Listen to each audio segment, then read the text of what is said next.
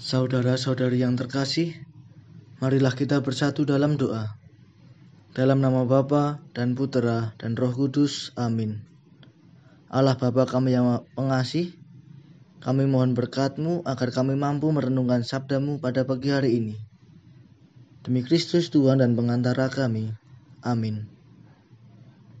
Inilah Injil Yesus Kristus menurut Yohanes.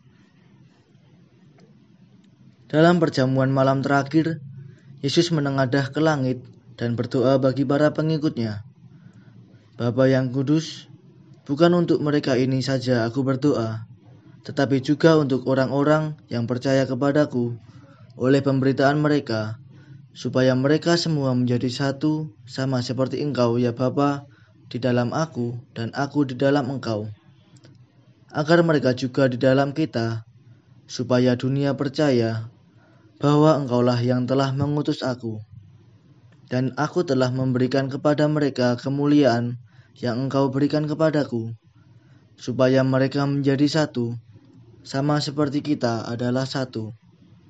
Aku di dalam mereka, dan engkau di dalam aku, supaya mereka semua menjadi satu, agar dunia tahu bahwa engkau telah mengutus aku dan bahwa engkau mengasihi mereka sama seperti engkau mengasihi aku.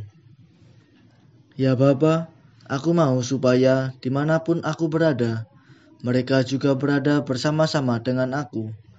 Mereka yang telah engkau berikan kepadaku, agar mereka memandang kemuliaanmu yang telah engkau berikan kepadaku sebab engkau telah mengasihi aku sebelum dunia dijadikan.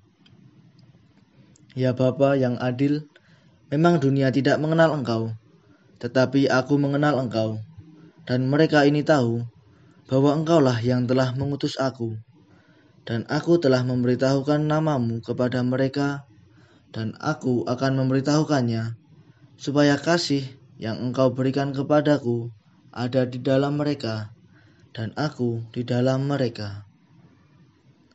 Demikianlah Injil Tuhan.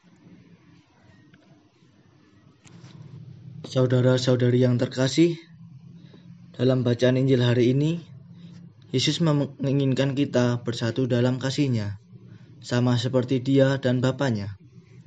Oleh karena itu, dia menyediakan sakramen yang lengkap bagi kehidupan rohani kita Gereja kita amat kaya dengan sarana yang membawa umatnya untuk meraih kekudusan, sehingga bisa bersatu dengan Allah. Persatuan inilah yang dicita-citakan oleh Allah ketika menciptakan manusia. Sehingga ketika manusia jatuh dalam dosa, Allah dengan segala cara berusaha untuk mengembalikan harkat kehidupan kudus dengan rahmat imamat Rajawi Kristus yang mengorbankan dirinya sendiri mengalirkan darahnya, dan menderita di kayu salib. Kekuatan doa Yesus telah menembus jauh dalam diri tiap murid yang dikasihinya. Bacaan Injil hari ini memperlihatkan dengan jelas bahwa Yesus sungguh-sungguh menginginkan persatuan kasih dengan Bapa dan kasih Bapa di dalam diri para murid.